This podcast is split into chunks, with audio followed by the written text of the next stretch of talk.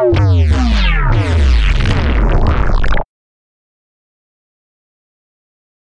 para pendengar semuanya kembali lagi bersama saya Naila Estia dan pada malam hari ini kita akan kembali berbincang dengan Coach Shoki dari Surabaya Training Center yang sudah hadir bersama kita untuk mengulas eh, topik-topik uh, terkait dengan business leadership. Nah, untuk malam hari ini kita akan membahas mengenai uh, teamwork dan karakteristiknya. Nah, kalau orang-orang ini pada bilang ya biasanya, teamwork make teamwork kayak gitu. Nah, berarti teamwork seperti apa sih? Uh, seberapa penting buat perusahaan dan karakteristik dari sebuah teamwork itu seperti apa? Kita akan bertanya lebih jauh, lebih lanjut, lebih dalam, lebih detail, oke, okay, dengan uh, Coach Shoki. Baik, selamat malam Coach. Gimana? Uh, sehat Coach kabarnya? Ya, selamat malam. Assalamualaikum warahmatullahi wabarakatuh. Sehat, Alham ya, alhamdulillah sehat. Ini uh, mudah-mudahan uh, kita tetap bisa menjaga kesehatan kita tetap fit dalam kondisi uh, pandemi yang kita juga tidak tahu kapan akan berakhir. Apalagi di Jakarta lagi rame nih ya. iya. Ya lagi panas, tidak hanya suhunya yang panas, tapi kayaknya politiknya juga panas di Jakarta. uh, ya. Saya masuk ruangan aja coach uh, biar nggak panas. Oke. Oke. Eh, hari ini kita akan berbicara mengenai tadi ya uh, teamwork dan karakteristiknya. Nah, saya mau tanya nih coach, sebenarnya uh, teamwork itu seperti apa? Mungkin bisa dijelaskan kepada para pendengar kita. Ya, uh, baik. Uh, selamat berjumpa kembali dengan Surabaya Training Center dan bersama saya Coach Soki atau Pak Sokibo.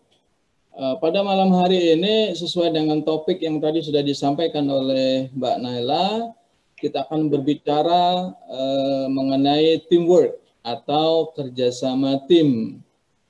Uh, nah baiklah, saya ingin memberikan ilustrasi uh, sejenak terkait dengan teamwork bahwa pada saat ini teamwork uh, atau kerjasama tim itu merupakan satu kebutuhan dan wajib untuk setiap organisasi, baik itu organisasi yang bersifat bisnis atau uh, nirlaba atau organisasi bersifat sosial.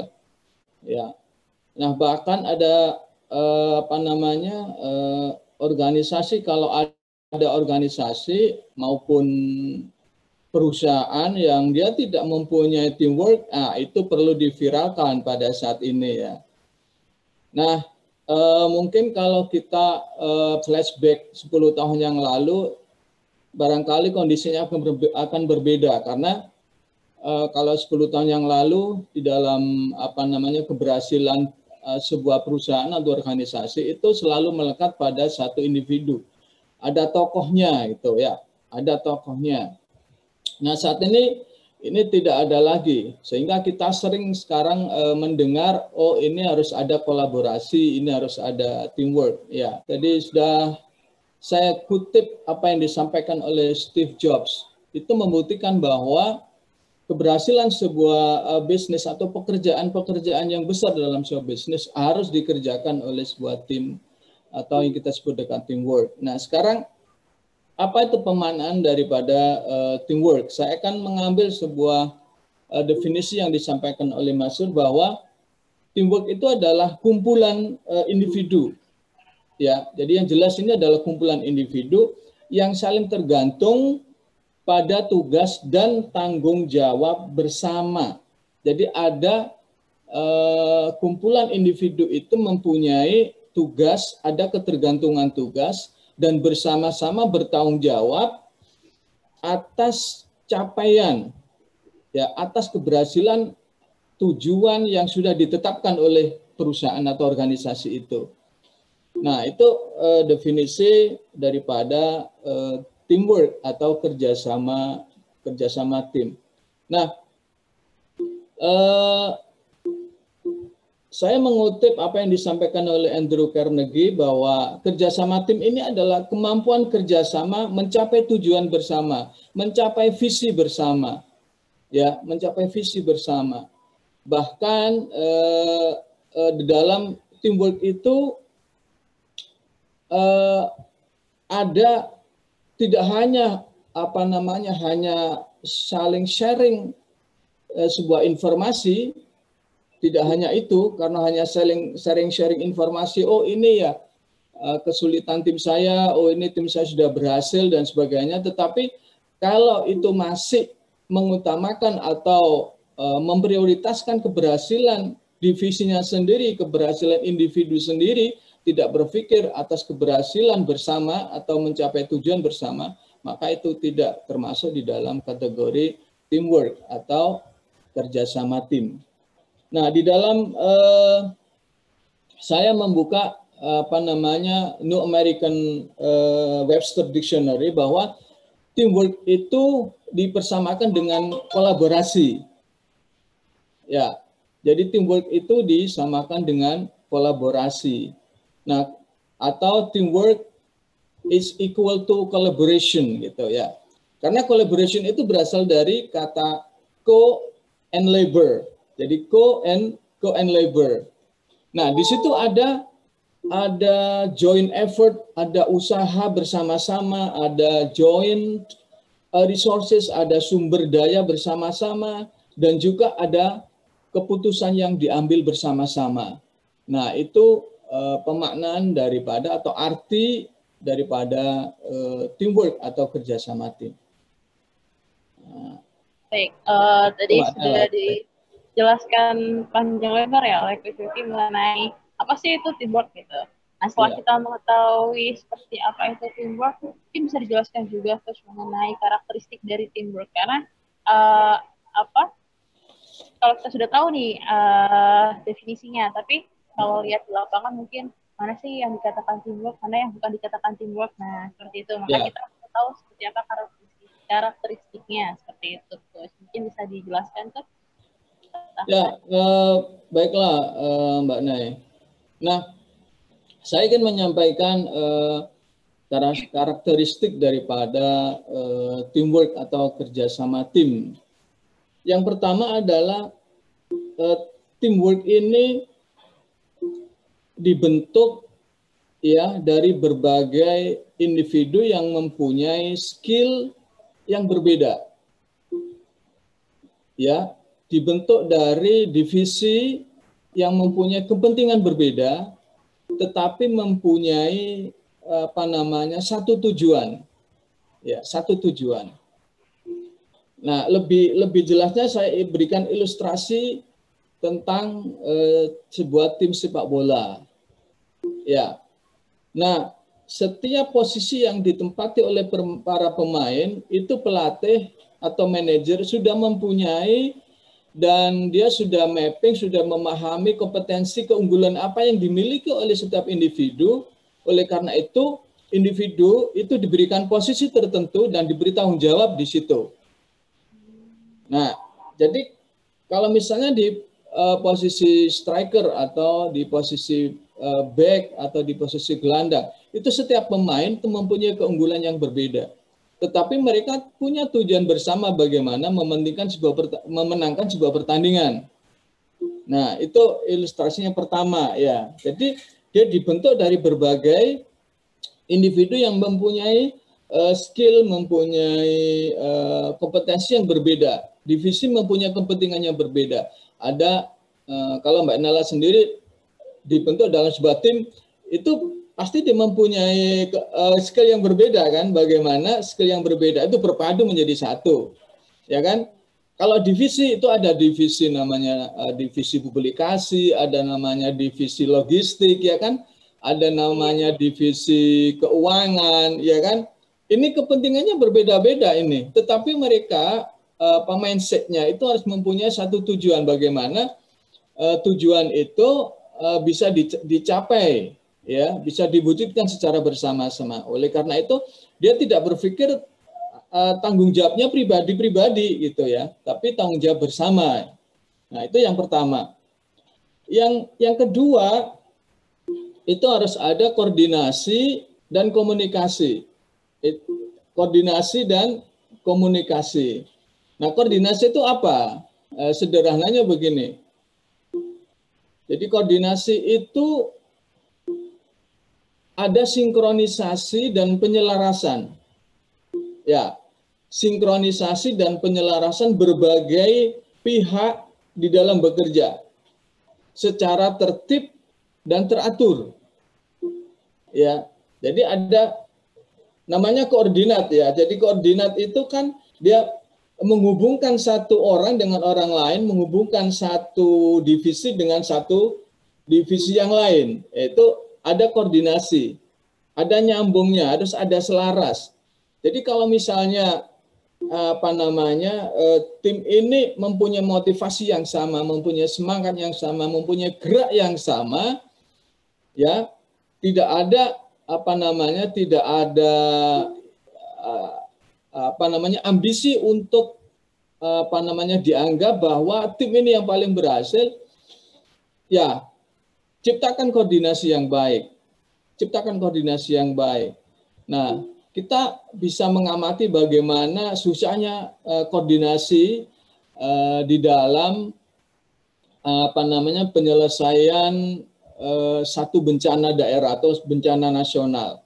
Cuma susahnya bukan main koordinasi ini.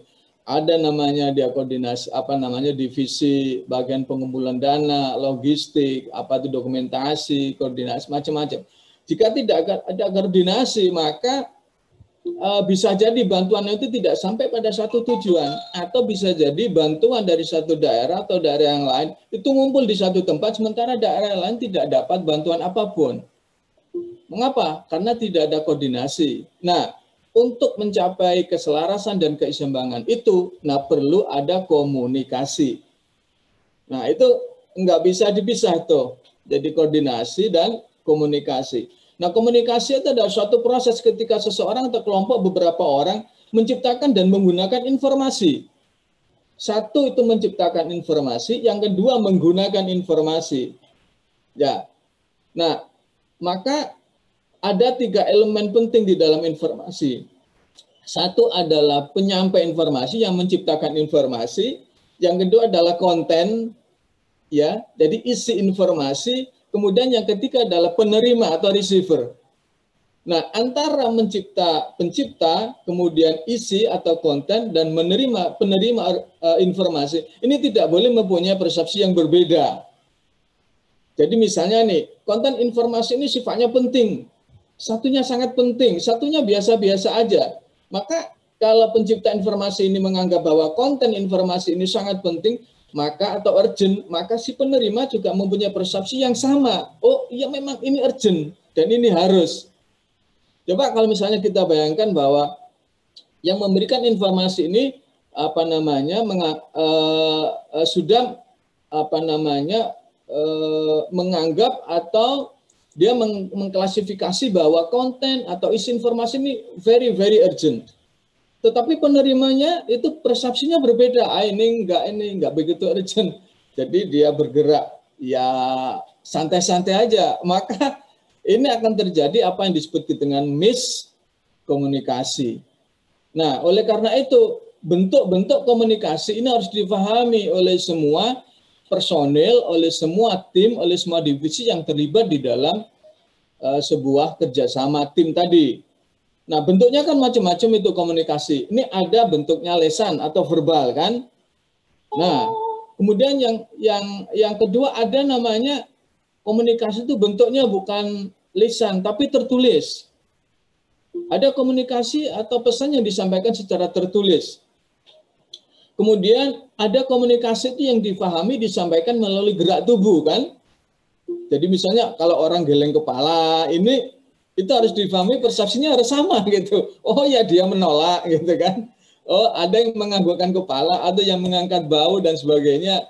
Ini adalah e, bentuk komunikasi yang itu harus dipahami, dipersepsikan sama dengan yang e, apa namanya penerima e, informasi.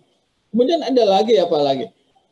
Sandi-sandi, penggunaan sandi kan kode-kode rahasia Nah, di dalam komunikasi itu ada kode-kode rahasia tertentu di mana semua tim, semua individu ini harus memahami. Kalau tidak, kacau.